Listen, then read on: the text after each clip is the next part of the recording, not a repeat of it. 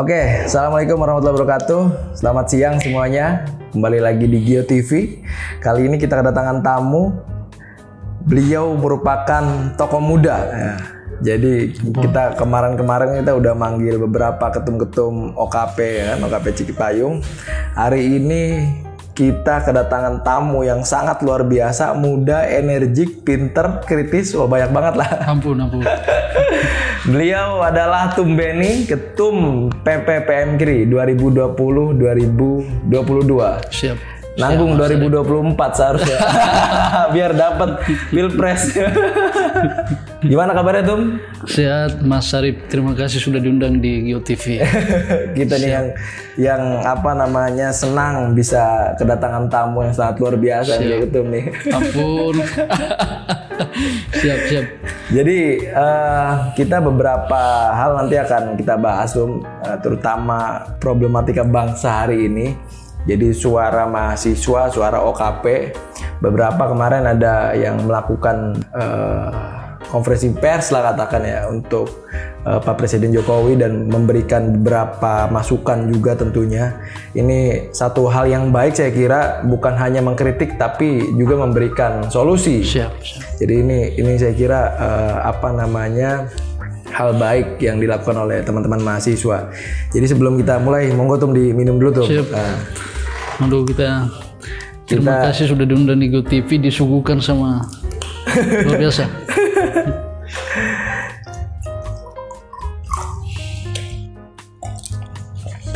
jadi sambil santai, kebetulan kita di ini ada iklan itu.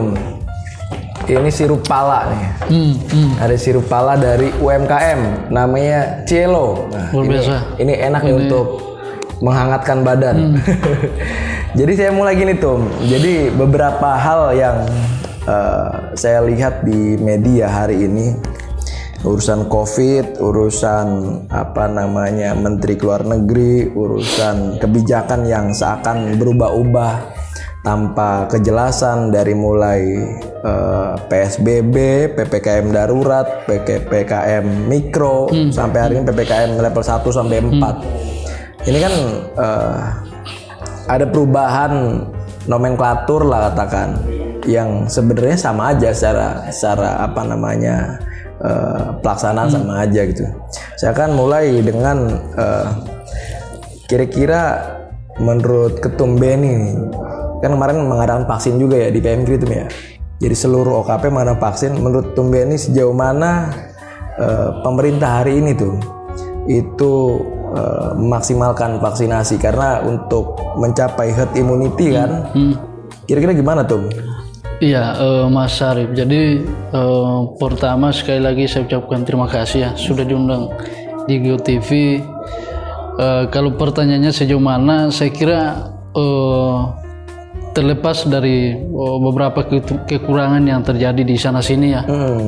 eh, di beberapa daerah, saya kira pada prinsipnya eh, program vaksinasi yang sedang di, dikeluarkan oleh pemerintah bagi kita ya, saya kira menjadi menjadi jalan keluar terhadap persoalan pandemi selama ini. iya iya Dan kita sebenarnya berharap bahwa semua stakeholder, eh, seluruh elemen masyarakat punya kesadaran bersama betapa pentingnya vaksinasi ini. betul Karena kalau enggak maka tentu program ini tidak akan berdampak secara maksimal di tengah masyarakat. Nah, kita kemarin misalnya di Cipayung Plus sudah mengadakan vaksinasi, setidak-tidaknya bahwa eh, apa namanya eh, ada dua hal, Mas. Pertama, tentu ini menjadi wujud nyata kita bahwa kita berperan serta dalam eh, mensukseskan program vaksinasi ya di tengah-tengah masyarakat, ikut serta dengan pemerintah dan seluruh elemen. Kemudian yang kedua sebenarnya pun yang kedua yang lebih penting adalah kita ingin menampilkan kepada masyarakat bahwa anak-anak muda juga mesti punya peran penting dalam eh, proses eh, apa namanya penyelesaian pandemi Covid termasuk vaksinasi. Nah, kita ingin mem- apa eh, memperlihatkan kepada masyarakat bahwa Cipayung Plus juga ikut serta dalam menyadarkan kepada masyarakat bahwa pandemi ini masalah bersama loh. Betul. Ya enggak? Dan tidak bisa kemudian satu orang bergerak kemudian yang lainnya pangku tangan. Ini adalah masalah bersama dan tentu untuk menyelesaikan juga adalah butuh kerjasama eh, seluruh kalangan, seluruh komponen. Nah kira-kira itu mas. Iya, tapi untuk kayak akhir kebijakan pemerintah yang seakan berubah-ubah gitu ya. Meskipun memang dari nomenklaturnya saja yang berubah, tapi pelaksanaannya itu sama. Apakah menurut ketum sendiri ada ada masalah kah atau misalkan ini dengan adanya eh, sikap pemerintah yang berubah-ubah dari PSBB sampai PPKM level-levelan, ini bukti pemerintah belum siap dan tidak ada apa namanya misalkan eh, hal yang matang gitu. Hmm, hmm. Sepakat gak tuh kalau misalkan ada yang bilang begitu katakan? Iya, saya kira kan gini, Mas Arif. Eh, sejak awal kita lihat bahwa eh, bukan hanya pemerintah Indonesia ya, saya kira semua negara tidak ada yang punya kesiapan yang matang dalam hal menghadapi situasi yang kemudian sama dengan Covid yang ada sekarang ini. Sehingga kemudian beberapa kebijakan yang diambil juga tentu sering kali kita membacanya bahwa ini situasional. Jadi misalnya PSBB eh, di awal-awal pandemi itu kemudian ada PSBB yang eh, betul-betul eh, darurat ya. Eh, apa namanya? Betul-betul dalam pelaksanaannya eh, sangat ketat ya. Iya betul. sangat ketat. Kemudian akhir-akhir ini kemudian ada namanya PPKM darurat. Sekarang sudah pakai level Level-levelan. 1 sampai 4 Iya, kan iya, kira-kira gitu. Nah, eh ya bahwa ini menjadi salah satu eh, penghambat ya bukan hanya bukan penghambat. Oh, menjadi masalah tersendiri kepada masyarakat saya kira mesti dikatakan iya mas. Kenapa? Karena di masyarakat bawah ini kan sering kali mengalami kebingungan membaca kebijakan pemerintah. Betul. Jadi misalnya hari ini PPKM darurat, besok PPKM level 4, kemudian level 3 kan ini kan menjadi siswa sesuatu yang baru di masyarakat. Iya. Nah, kalau misalnya kita bandingkan Mas, kalau di eh, Jawa misalnya atau Bali mungkin eh, situasi ini ataupun kebijakan ini gampang di dicerna oleh masyarakat. Tapi kita bayangkan Mas, daerah-daerah yang eh, terisolir, daerah-daerah di 3T atau daerah-daerah di di Indonesia Timur misalnya yang eh, dari segi sumber daya dan infrastruktur sangat terbatas untuk memahami kebijakan itu, saya kira menjadi persoalan serius. Nah, bahkan ketika kita turun ke cabang-cabang, Mas, eh, kebetulan kita di Penkri misalnya, turun bersentuhan dengan masyarakat di bawah, ini menjadi menjadi eh, pertentangan ya, Iya. menjadi pertentangan. Tentu pada prinsipnya saya kira masyarakat juga melihat bahwa ini masalah bersama, eh, masalah yang baru yang juga tidak ada role model dalam menangani pandemi Iya COVID iya ini. iya. Tidak ada yang akhirnya bisa jadi percontohan. Tidak ada percontohan. Anggaplah tidak ada referensi untuk Iya, iya. menangani pandemi ini. Sehingga di lain sisi masyarakat juga bisa memaklumi, tapi di lain sisi dengan seiring berbagai kebijakan yang sangat eh, apa namanya dinamis ya, Iya, iya. sering berubah-berubah, menimbulkan kebingungan sehingga juga masyarakat menjadi ada kelompok-kelompok masyarakat tertentu yang menjadi apatis dalam kebijakan itu. Nah ini kan yang yang kita apa namanya yang kita sangkan dan kita khawatir ini kemudian menjadi semakin menjadi besar kalau kebijakan-kebijakan pemerintah makin berubah-ubah. Iya iya. Ya, kira-kira itu mas. Jadi kan kalau misalkan kita lihat itu dengan adanya PPKM ini kan banyak efeknya tuh nih. Ya, ya. Bukan hanya urusan-urusan eh, sosial budaya dan sebagainya, tapi ada problem yang ini selalu bersinggungan. Mau milih kesehatan atau milih ekonomi. Ya, ya. Ini kan selalu eh, selalu muncul lah katakan.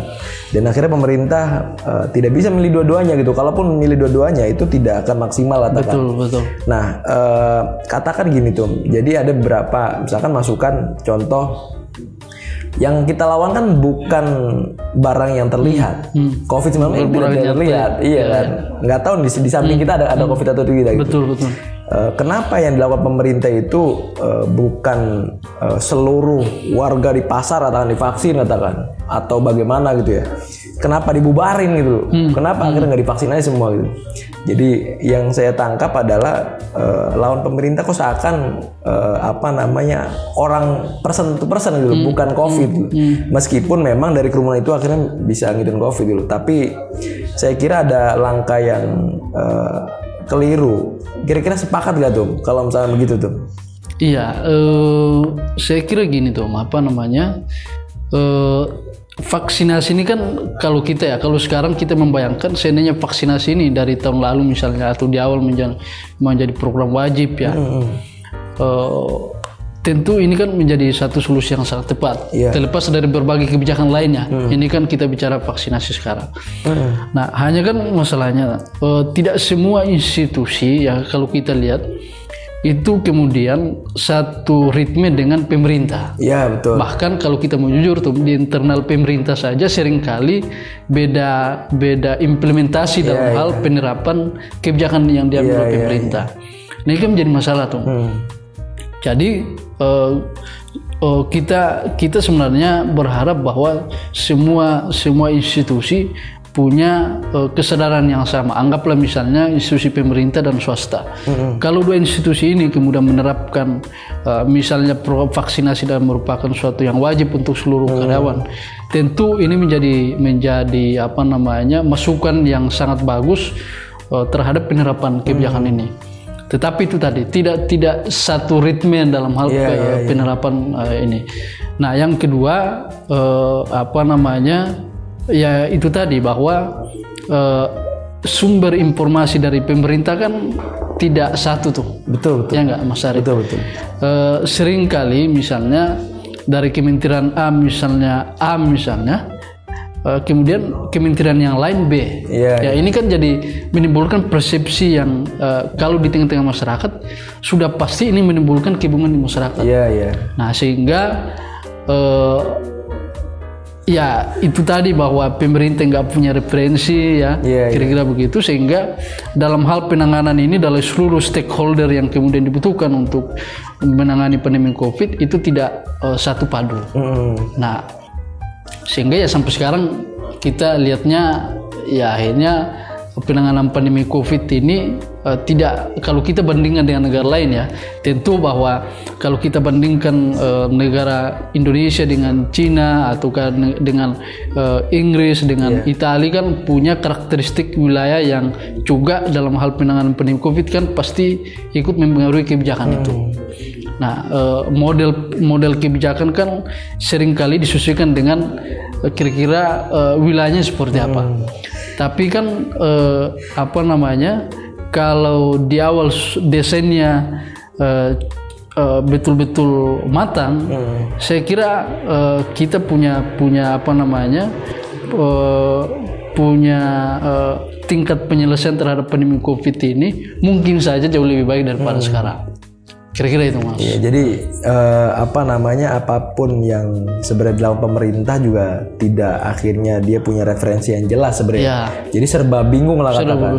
Bahkan gini mas, eh, saya dalam suatu eh, webinar mengatakan bahwa kebijakan yang diambil oleh pemerintah yang eh, sangat dinamis ya, sangat dinamis sejak pandemi COVID di awal tahun lalu, eh, ini ini menandakan bahwa eh, ada kritikan terhadap eh, institu- institusi-institusi akademis ya, termasuk lembaga-lembaga penelitian yang saya kira eh, tidak cukup mampu untuk mendesain roadmap penanganan pandemi COVID ini. Iya iya iya. iya.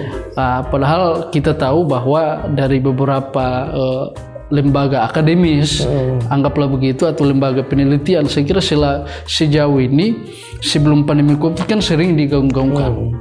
Tapi setelah pandemi COVID hadir di Indonesia, justru seolah-olah eh, tidak mampu untuk untuk mendesain ini. Nah, ini menjadi otokritik juga untuk lembaga-lembaga pendidikan, lembaga penelitian bahwa mesti ada terobosan-terobosan juga yang di, yang di yang dibuat ya. Eh, dalam hal penanganan situasi-situasi yang tiba-tiba muncul. Anggaplah sekarang misalnya menangani pandemi Covid. Hmm, jadi ada beberapa hal yang sebenarnya saya agak tergelitik ya ketika kita buka Instagram eh, beberapa tokoh lah katakan itu udah udah bermunculan meme 2024 bahkan hari ini beberapa tokoh kita pejabat kita di Indonesia itu fokusnya ke arah sana bukan fokus ke arah covid. Contoh misalkan 2019 eh, atau awal covid lah sampai akhirnya marak hari ini covid tuh.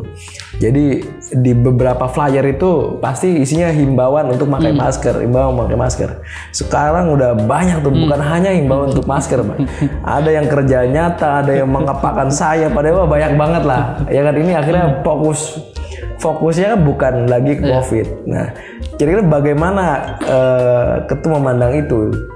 Eh iya, sebenarnya yang kita harap ini kan eh, sekali lagi pandemi covid ini masalah yang sangat besar. Eh, sepanjang sejarah eh, negara kita, saya kira baru kali ini menghadapi masalah yang cukup serius seperti ini. Betul betul. Tidak punya eh, tidak punya sumber daya sumber daya untuk itu kan tidak pernah didesain untuk menangani situasi seperti ini. Nah, eh, kita berharap bahwa lewat kehadiran tokoh-tokoh kita ya bisa menjadi eh, apa namanya jembatan kepada masyarakat untuk eh, lebih memudahkan masyarakat dalam hal ikut keikutsertaan dalam apa menyelesaikan pandemi ini. Nah, tadi disinggung Mas Arif soal Bali-Bali, saya kira kita juga sebenarnya sayangkan Mas. Kenapa? Karena tentu kalau masyarakat lihat eh, bukan soal eh, apa nama kampanye eh, mengatasi pandemi lagi Iya, yang muncul, tapi masyarakat yang masyarakat tangkap adalah bagaimana kepentingan 2024 ini bisa Iya iya iya. bisa eh, apa namanya bisa didapat ya, bisa terrealisasi dengan memanfaatkan situasi pandemi ini. Padahal ya dari dari kacamata kita kita berharap bahwa sebagai public figure punya kekuatan yang besar untuk itu untuk ikut serta satu padu dengan pemerintah.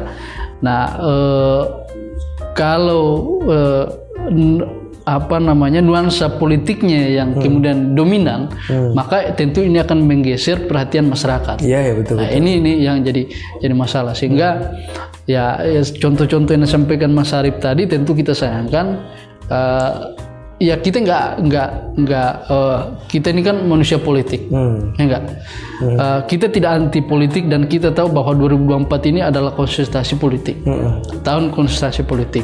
Tapi di tahun sekarang kita berharap bahwa seluruh tokoh-tokoh politik tokoh-tokoh bangsa eh, tokoh fi- public figure kita berharap bahwa semua fokus dulu mengurus pandemi. Soal politik saya kira masyarakat akan tahu kira-kira siapa sih tokoh politik yang betul-betul bisa menyelesaikan persoalan masyarakat Iya iya. iya. pandemi ini adalah persoalan masyarakat, maka tentu yang diharapkan masyarakat adalah kehadiran tokoh-tokoh ini untuk menyelesaikan Iya iya. Kerja kerja nyata yang akhirnya kerja nyata itu, iya.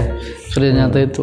Nah, eh, yang dibaca masyarakat kan, ah ini eh, public-public figure justru memanfaatkan pandemi COVID untuk menaikkan rating mereka, kira-kira Iya, gitu iya. kan? Elektabilitas ya. Elektabilitas Iya, betul, bahkan betul. kemarin eh, apa namanya di misalnya kritik-kritik soal eh, apa juara-juara di Olimpiade kan hampir sama lah dengan ini kan iya, betul. analoginya sama bahwa ada momen yang kemudian dimanfaatkan untuk bukan menyelesaikan persoalan tapi untuk eh, apa namanya eh, lebih pada Personal eh, branding. Iya, persoalan branding pribadi tentu ya kalau bacanya eh, poster-poster yang bertebaran sekarang ya brandingnya 2024 kan itu kan masyarakat yang seperti itu yang masyarakat tangkap Iya iya iya. Jadi biar masyarakat yang menangkap seperti itu. Tapi ada ada hal-hal yang seharusnya menjadi konsep pemerintah hari ini juga harus difokuskan ya urusan pandemi gitu ya. mestinya mas karena sekali lagi bahwa masyarakat eh, yang masyarakat tunggu kan sebenarnya kerja-kerja nyata mas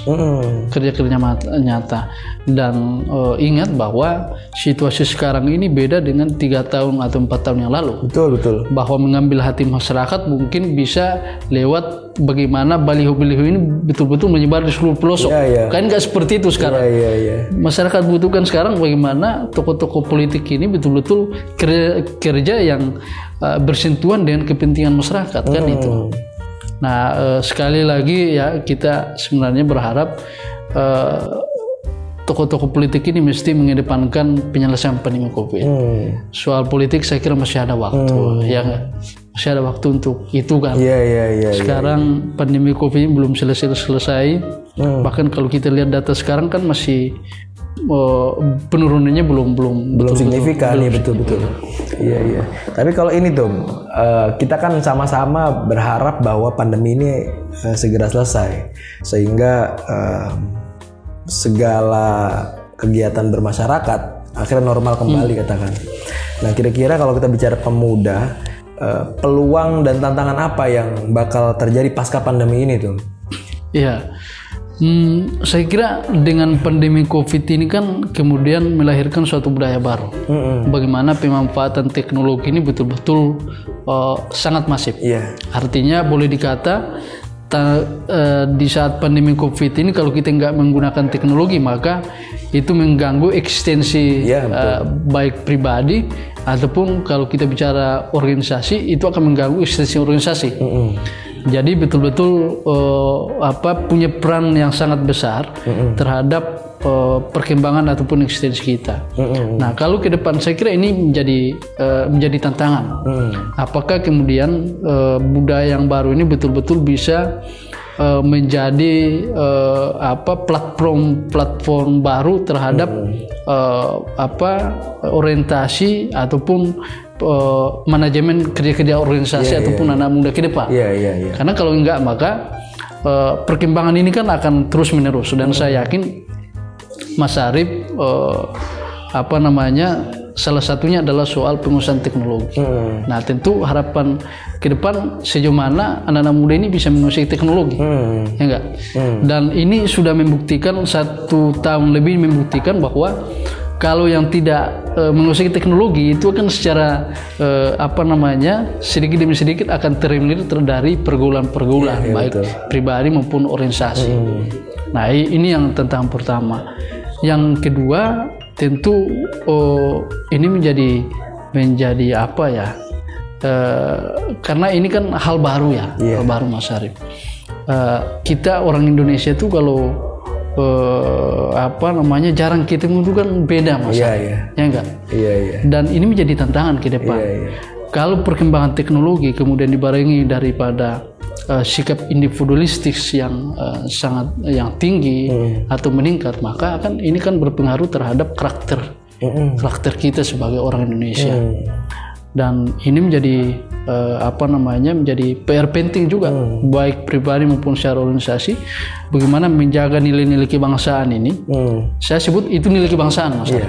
bagaimana budaya eh, pertemuan silaturahmi itu bisa dijaga terus menerus meskipun kita diperhadapkan pada eh, perkembangan teknologi yang cukup masif. nah ini tantangan yang mesti mesti yang Dihadapi, ya akan dihadapi ke depan.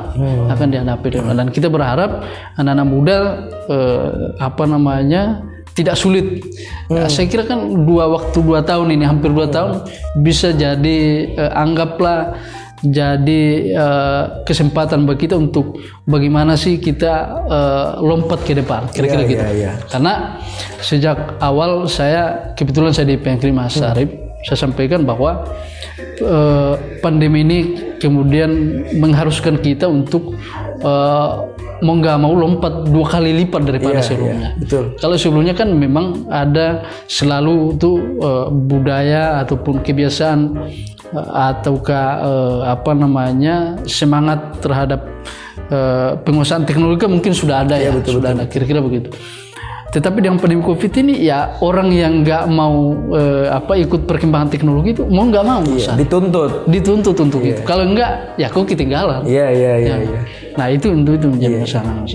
Jadi kalau misalnya saya baca beberapa berita eh, yang ditulis eh, Ketum Beni, ini eh, bicara soal lompatan, bicara soal apa namanya adaptasi yang selalu digaungkan. Kenapa dengan lompatan dan adaptasi tuh? Iya, eh, saya kira gini Mas Arif. Pandemi ini membuat kita harus menjadi eh, apa ya? eh, bukan pribadi yang baru. Bukan pribadi yang baru, tapi lebih pada bagaimana kita bisa menjadi pribadi yang eh, bisa survive dalam segala kondisi, termasuk dalam perkembangan teknologi. Maka sejak awal, sejak pandemi COVID, kita tuh eh, mendesain bagaimana eh, manajemen organisasi kita misalnya itu setidak-tidaknya beradaptasi dengan perkembangan teknologi. misalnya. Karena kalau tidak maka ini menjadi pertaruhan besar untuk Iya, kita. iya, iya. Dan saya kira bahwa semua organisasi kita ya tidak pernah tidak pernah punya desain bagaimana menghadapi situasi pandemi. pandemi. Jadi semuanya kaku. Iya, iya. Nah, eh, akhirnya eh, adaptasi ini yang mesti kita gaungkan karena kalau tidak, Mas, maka kader-kader ataupun masyarakat Indonesia secara umum ataupun secara organisasi itu akan eh, tidak tidak punya kemampuan untuk maju ke depan. Iya, nah, ini kan zaman semakin maju dengan adanya pandemi Covid ini justru mengharuskan kita bahwa ya kalau dulu tuh eh, revolusi 4.0 Iya. dalam angan-angan kita ya ini berapa tahun ke depan? Mm-mm. ternyata pandemi covid eh, datang tiba- tiba-tiba ya mau nggak mau mesti kita hadap. Iya, iya, nah kan ini kita nggak mau seperti itu terulang. Jadi eh, kita berusaha bahwa eh, kita ini bisa beradaptasi kita belajar dengan eh, situasi yang ada sekarang ini sehingga situasi-situasi yang baru yang akan datang setidak-tidaknya bahwa kita punya sudah punya tools Iya, iya. kita sudah punya pengalaman, kita sudah punya referensi, dan kita nggak gagap dalam menghadapi itu. Iya, iya, iya. Nah, Jadi ini kan yang terjadi sekarang. betul betul betul. Lompatan itu makanya penting dan Spontan penting. Iya iya iya. Jadi ada satu lagi tuh yang yang saya menarik itu eh, kalimat dari gereja untuk tanah air. Hmm, hmm. Apa maksud dari kalimat itu tuh? Jadi eh, Kalau nggak salah itu waktu di Natalis kalau nggak salah ya. ya, jadi gini tuh, eh, Mas Arif. Kita di di PMKRI itu kan memang sejarahnya adalah eh, bagaimana komitmen mahasiswa Katolik itu betul-betul bisa memberikan kontribusi untuk eh, negara Indonesia pada saat itu. Kan kita didirikan kan pas masih hangat-hangatnya tuh. Anggaplah kita baru merdeka kemarin, eh, kemudian PMKRI dideklarasikan kan Iya iya iya. eh, tahun 47 sehingga memang nuansa eh, perjuangan itu betul-betul hadir dan, dan mengilhami eh, pendirian PMKRI itu deklarasi PMKRI. Nah sehingga semangat yang kita ambil di awal itu adalah eh, bagaimana PMKRI bisa hadir untuk kepentingan gereja dan untuk kepentingan negara. Akhirnya terciptalah namanya Pro Ecclesiae Patria untuk gereja dan tanah air Iya iya. dan itu selaras dengan eh, apa namanya eh, salah satu pahlawan kita Mas Sarip namanya Monsinyur Sujo Pranata. Hmm. Jadi eh, beliau itu adalah salah satu pejuang kita, salah satu eh, satu-satunya uskup pribumi pertama pada saat zaman itu yang kemudian ikut serta dalam perjuangan eh, kemerdekaan. Hmm. Nah, salah satu eh, apa namanya eh, semboyan yang digaungkan di medan medan perjuangan itu kira-kira ya di tengah-tengah masyarakat kala itu ya adalah eh, untuk 100% untuk 100% Katolik, 100% Indonesia. Hmm. Nah, sehingga bagi bagi kita ya, izin Mas Arif, Iya. Oh, sehingga bagi kita perjuangan gereja dan eh, perjuangan tanah air itu nggak bisa dilepaskan satu dengan yang lain. Sehingga ya dalam setiap pembinaan di kita di PMKRI Mas Arif dan saya kira semua kader PMKRI sudah ini itu ya bicara gereja Katolik itu bicara Indonesia. Iya iya. Tidak bisa dikesampingkan satu dengan yang lain. Satu kesatuan. Satu kesatuan.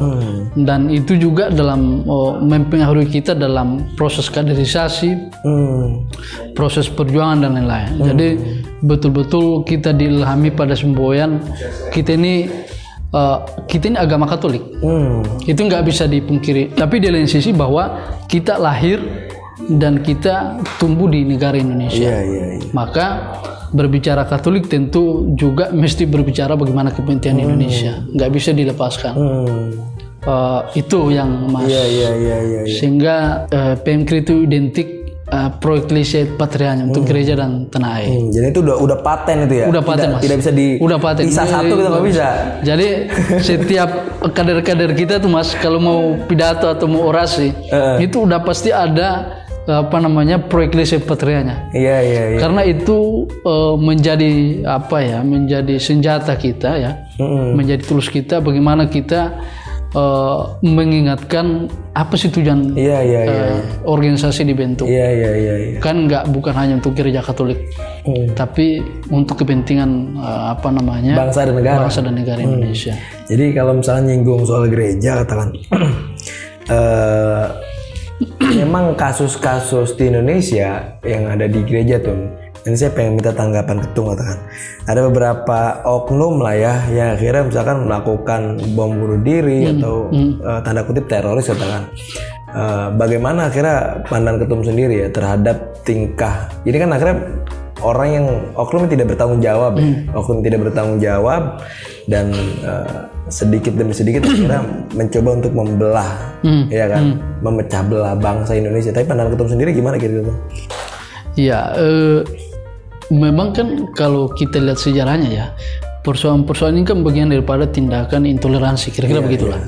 Jadi eh, saya kira sejak Indonesia berdiri bahkan sebelum saya kira uh, kejadian-kejadian itu mungkin sudah muncul. Bukan hanya ke gereja ya tapi ke kelompok-kelompok lain juga mungkin terjadi.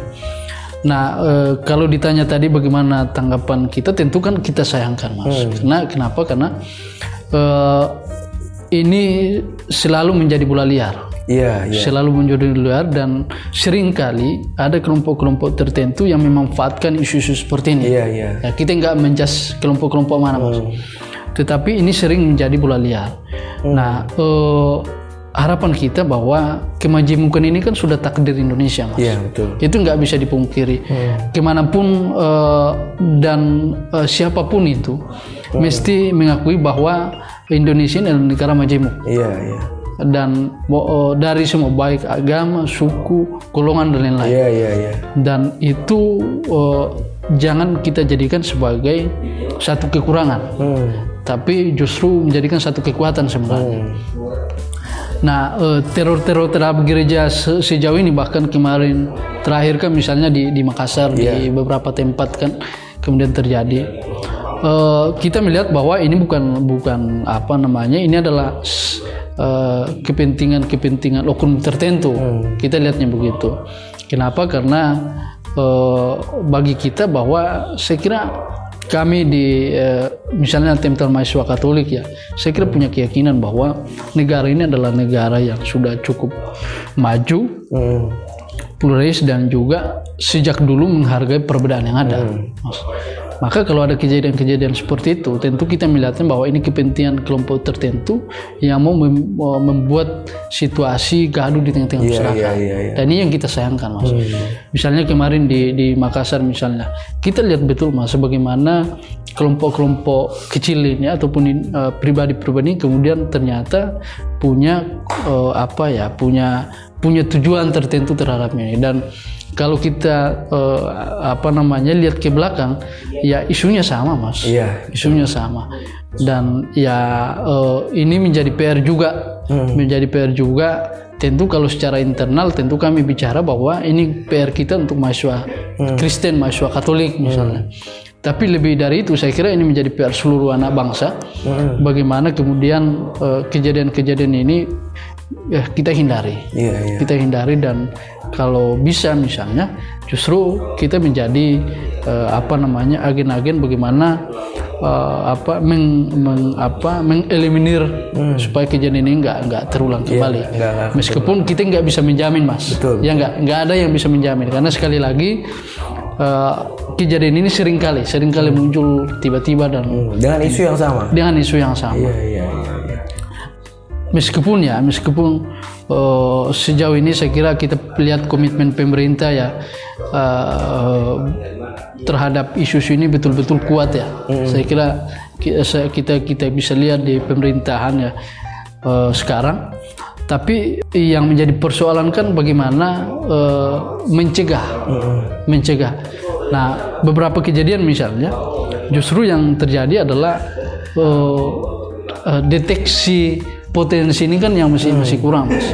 Masih kurang. Kalau rekonsiliasi misalnya saya kira sangat cepat karena Iya. kita kan punya infrastruktur yang sangat sangat mapan lah. Iya.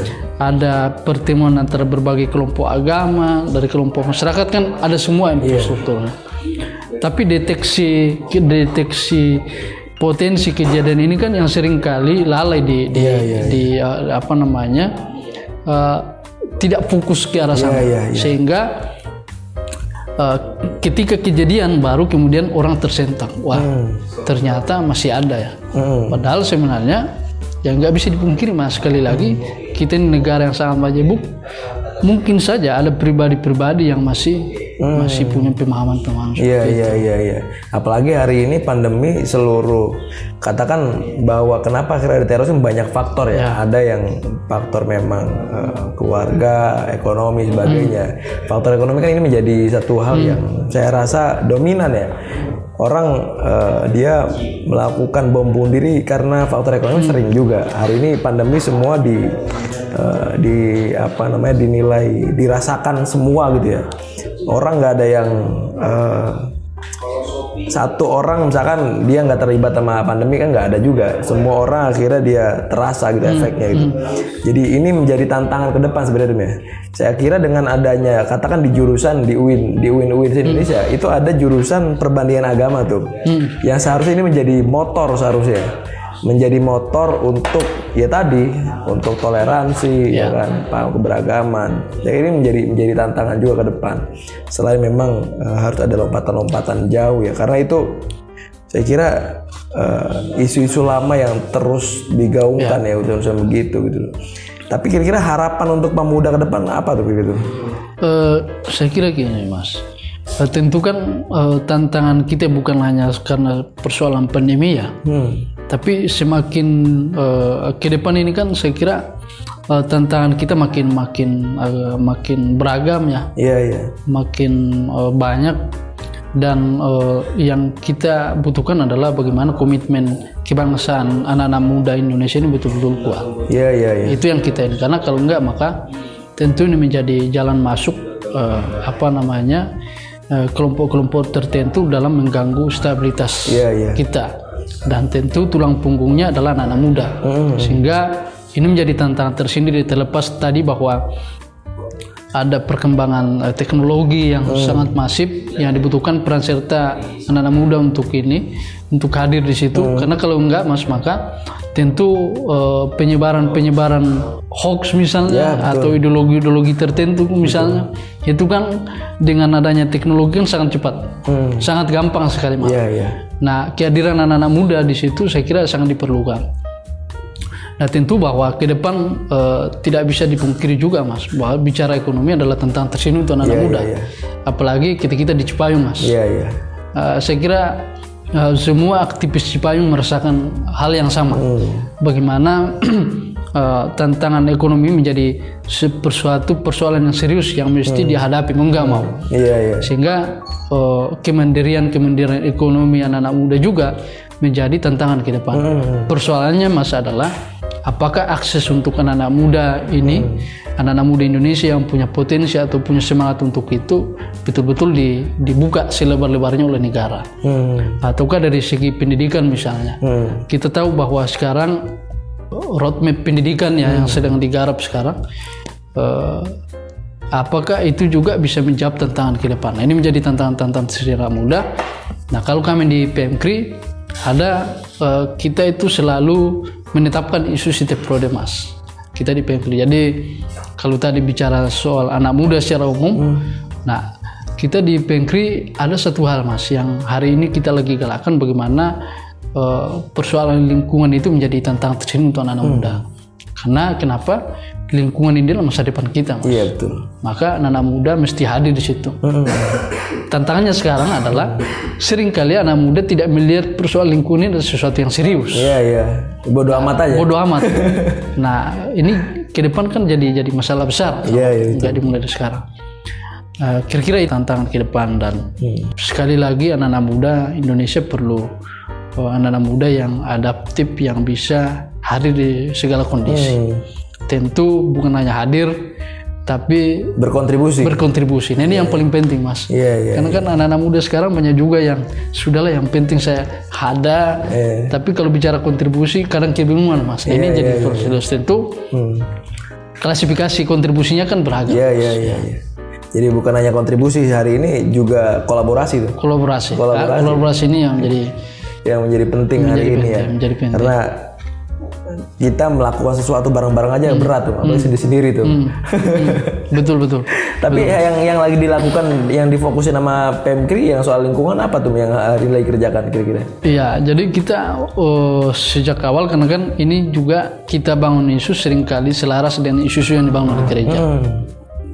Kemudian beberapa tahun yang lalu eh, Paus eh, Franciscus itu kemudian membuat namanya ensiklik Laudato Si. Iya. Bagaimana menjadikan eh, apa namanya bumi ini menjadi rumah kita. Iya iya. Eh, dalam hal bagaimana kita betul-betul sadar bahwa kita mesti menjaga bumi. Kalau enggak maka ya kita nggak punya rumah lagi. Kira-kira Iya, iya, eh, sederhananya begitu. Maka perlu perhatian yang serius dari seluruh elemen Hmm. untuk menjaga lingkungan. Iya, nah kalau ditanya bagaimana Pengkri me- melihat itu, eh, sekarang ini kan salah satu isu yang sangat kuat di eh, sekarang adalah bagaimana eh, masa depan lingkungan Indonesia. Kita tahu bahwa tantangan eh, lingkungan Indonesia sangat beragam. Segi pertambangan saya kira masih sangat masif. Terus oh, apa namanya pembalakan hutan di mana-mana dan lain-lain. Deforestasi lah. Ya, ya. Deforestasi penga- apa pengalihan fungsi lahan itu kan sangat sangat masif saat ini.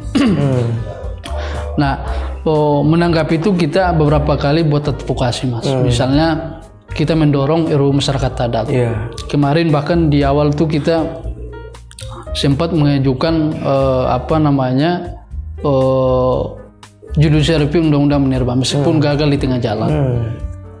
Kemudian kita eh, mengkritisi omnibus law di lain di satu sisi memang kita betul-betul fokus pada persoalan lingkungan hidup yang kemudian juga diatur dalam omnibus law itu dan eh, itu kemudian disahkan. Hmm. Nah, eh, kita eh, di awal tuh mendorong bagaimana RUU masyarakat ini bisa disahkan karena ini menjadi filter terakhir terhadap eh, penyelamatan lingkungan kita. Kalau RUU masyarakat adat kemudian eh, tidak disahkan, maka kita khawatir ke depan ada pengusahaan-pengusahaan eh, apa namanya lahan-lahan ini itu kemudian bebas Iya, bebas diambil orang lain. Iya, iya. Nah, eh, RU ini setidak setidak-tidaknya bahwa menjadi pagar terakhir. Iya, iya, iya. Itu.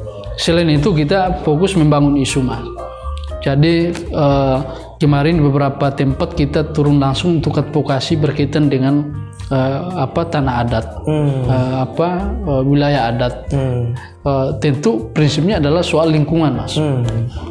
Nah, ke- sekarang di kita kebetulan ada namanya komprehensif studi regional di internal Pemkri. Itu bicara bagaimana isu-isu lokal itu kemudian di- dipikirkan, dibahas, kemudian menimbul- apa eh, menghadirkan satu solusi dari Pemkri. Iya, iya. Nah, eh, kita lihat sekarang memang di beberapa daerah itu lagi fokus betul pada persoalan lingkungan hidup. Nah, artinya apa, Mas? Bahwa kita menganggap eh, isu lingkungan ini sudah pada tahap yang mengkhawatirkan. Iya. Kalau dulu-dulu kan ya sudah lah, isu lingkungan ini sudah iya, iya. isu yang sangat klasik dan tidak menarik sering kali. Iya, iya. Tapi dengan kondisi sekarang, maka eh, mau nggak mau kita mesti mesti hadir di situ. Misalnya kemarin di apa namanya di konferensi studi regional di Kalimantan Tengah ya, Hmm. kita tahu isu lingkungan kalau di Kalimantan itu ada salah satu isu yang sangat oh apa namanya sangat besar ya. Iya. Kencang. Karena kencang bicara isu Kalimantan ya udah pasti ada lingkungan hidup Iya, mas iya, dalam betul, betul. di Sumatera misalnya di Sumatera juga di Pekanbaru juga begitu isu lingkungan. Nah artinya apa kita di Pemkri betul-betul sedang mendorong isu lingkungan ini menjadi sesuatu eh, isu yang dekat dengan setiap kader. Hmm, hmm, hmm. Jadi kan eh, banyak isu yang sering kali kader melihat wah kami ini nggak nggak Hmm. nggak eh, isu ini nggak relevan dengan kami. Ke- is- eh, biasanya begitu dan saya kira ini juga dialami oleh organisasi lain misalnya. Betul, betul. Dan tugas kita dalam mendekatkan isu ini bahwa isu ini sangat dekat dengan teman-teman. Iya, iya. Kalau kita nggak hadir maka ini menjadi menjadi masalah karena ya eh, tanggung jawab kita salah satunya itu mas kembali lagi bahwa bicara eh, apa namanya bicara kepentingan gereja juga bicara kepentingan negara kita Iya, mas iya. maka eh, isu lingkungan sudah menjadi masalah serius untuk bangsa ini Hmm. juga dibutuhkan campur tangan PMP. Hmm. Hanya kan gini mas, eh, lingkungan ini kan kepentingan sangat besar, Iya. enggak? Kepentingan bisnis, eh, politik, kira-kira begitu. Banyak banyak sekali, Banyak yang bisa masuk. banyak yang masuk di situ. Sehingga memang eh, dalam eh, apa namanya membangun gerakan memang kita diperhadapkan pada apa anggaplah tembok yang sangat luas, iya, iya, iya. sangat kuat. Tapi oh, mau nggak mau mas, kita punya tugas untuk itu dan saya kira oh, bukan hanya kader-kader PMKRI ya, Hmm. semua anak muda Indonesia mesti eh, mengambil eh, apa namanya mengambil isu lingkungan yang menjadi salah satu masalah yang cukup dengan mereka. Karena kalau enggak maka ya kita nggak tahu. Iya, iya. ke depan ini negara kita seperti apa kalau lingkungan kita ini. Mas mungkin sering ke Kalimantan Timur ke Sumatera. Iya, iya, iya. itu kita miris mas. Dan Iya, kita selalu ada pertanyaan besar.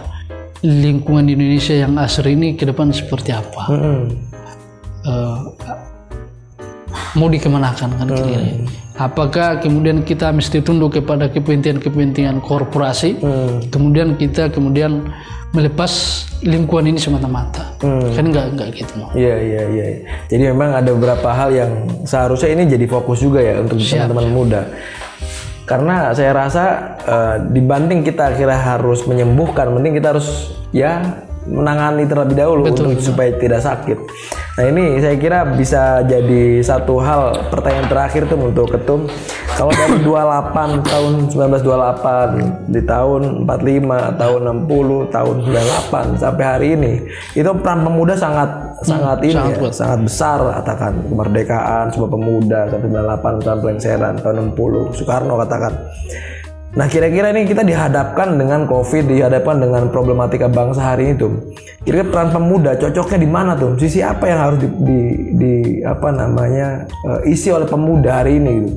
Iya, kalau bicara dari segi perspektif pandemi COVID, saya kira banyak sekali, mas, banyak sekali. Jadi pertama memang eh, pemuda mesti hadir di tengah-tengah masyarakat. Hmm. Kalau dulu pemuda ikut berjuang bersama masyarakat, sekarang saatnya pemuda berjuang bersama masyarakat mengatasi pandemi COVID. Hmm. Kalau enggak, maka gap pemuda dengan masyarakat itu itu akan semakin Iya, semakin eh, me- lebar ya. Iya ya betul. Padahal kita tahu bahwa ya pemuda itu masyarakat itu sendiri. Iya, iya, Maka kepentingan masyarakat adalah kepentingan pemuda. Yang kedua adalah bagaimana kita mengawal eh, kebijakan-kebijakan yang ada. Hmm. Tentu eh, pada prinsipnya misalnya kita bicara OKP ya PMKRI, tentu kita pada prinsipnya adalah kebijakan-kebijakan yang pro rakyat. Maka kepentingan kita adalah bagaimana memastikan kebijakan ini betul-betul dirasakan masyarakat. Betul betul. Tapi kalau yang eh, mengganggu kepentingan masyarakat, maka tanggung jawab kita adalah menjadi eh, apa namanya lidah penyambung aspirasi masyarakat iya, iya. kepada eh, apa pemangku-pemangku kebijakan yang ada, anggaplah pemerintah dan lain. Nah, eh, yang yang ketiga tentu eh, bagaimana anak-anak muda ini bisa terus menjaga optimisme masyarakat untuk eh, apa menggapai masa depan Iya iya. menggapai eh, tahun-tahun yang akan datang. Karena tidak bisa eh, kita pungkiri juga lewat pandemi Covid ini banyak juga masyarakat yang sudah pupus harapan. Iya. Mas. Ente itu karena persoalan ekonomi dan lain kan, Iya. kira-kira begitu. Sehingga tugas dan tanggung jawab pemuda juga adalah bagaimana terus menumbuhkan harapan itu bahwa kita ini negara besar Hmm. mesti harapan ini mesti terus dijaga meskipun situasi yang sulit tapi eh, dengan kerja-kerja kolektif kolektif yang sekarang dilakukan maka saya kira negara ini ke depan akan bisa eh, apa namanya bisa bangun kembali dan bisa tumbuh kembali sesuai dengan harapan dan cita-cita daripada founding father kita sebenarnya. Nah, eh, saya kira itu harapan-harapan kita mas untuk masyarakat anak-anak muda. Terlepas tadi kita singgung bahwa di tengah eh, situasi Indonesia yang sangat plural ini, maka dibutuhkan juga eh, kehadiran anak muda untuk menjaga dan merekatkan persatuan Iya negara iya kita. iya. iya. Apa pun latar belakang kita, tentu tanggung jawab kita memastikan bahwa negara ini terus jalan sesuai dengan koridor yang ada. Nah, eh, saya titip satu aja mas i- eh, terakhir eh, juga bicara Papua mas. Bicara Papua itu adalah sesuatu yang tidak juga tidak bisa lepas dari perjuangan PMK mas. Iya. Terlepas dari apa namanya kader-kader kita yang banyak di sana misalnya, tapi juga bicara Papua adalah bicara soal kemanusiaan. Hmm. Itu yang paling penting. Sehingga eh, kami di periode ini juga eh, mengambil jalan kita menghadirkan satu lembaga khusus untuk Papua. Hmm. Dan kita berharap bahwa eh, perhatian terhadap Papua itu betul-betul bisa di eh, apa namanya dimaksimalkan oleh pemerintah. Karena bicara Papua tidak serta merta juga bicara infrastruktur mas Iya betul ternyata betul betul betul. tapi bagaimana menghadirkan eh, negara ini menjadi bagian yang utuh daripada pribadi-pribadi anak-anak Papua. Nah ini menjadi persoalan serius karena punya persoalan masa lalu yang Iya iya iya. yang cukup panjang ya, Hmm. sehingga kita berharap bahwa pemerintah bisa menghadirkan solusi-solusi terhadap persoalan di Papua yang komprehensif. Iya iya iya iya. Jadi memang ada ada beberapa hal yang perlu juga menjadi perhatian serius terutama di Papua yang hari Ya. ini juga lagi eh, sedikit banyak bergejolak lah di Papua. Bukan hanya urusan infrastruktur yang dibangun, Hmm. tapi ada beberapa hal yang perlu juga didampingi Ya. langsung gitu. Karena bagaimanapun juga Papua anak kandung dari Indonesia bukan anak tiri gitu. Betul. Jadi ini hal yang eh, luar biasa dari Ketum BNI nih. Hmm. Siap. Jadi gagasannya sangat mantap. Ini eh, untuk seluruh pemirsa Geo TV. Jadi dengan ada diskusi ini semoga bisa jadi manfaat, menjadi informasi terutama tadi misalnya ada urusan-urusan dengan pemerintah. Ini menjadi masukan yang sangat baik saya kira dari eh, teman-teman PMKRI. Jadi eh, terima kasih atas waktu dan kehadirannya tuh. Makasih, makasih Mas Sarip ini Tetap sehat. biasa siap. Karena nih kalau Tumbeni nggak sehat bahaya nih Indonesia guncang nih. Kita Terima doakan kasih Geo TV ya. maju terus. Iya. Mohon doanya lah semoga Siap, siap. kita tetap memberikan edukasi-edukasi ke masyarakat luas. Terima kasih dari saya Arif Adila. Eh, Wassalamualaikum warahmatullahi wabarakatuh.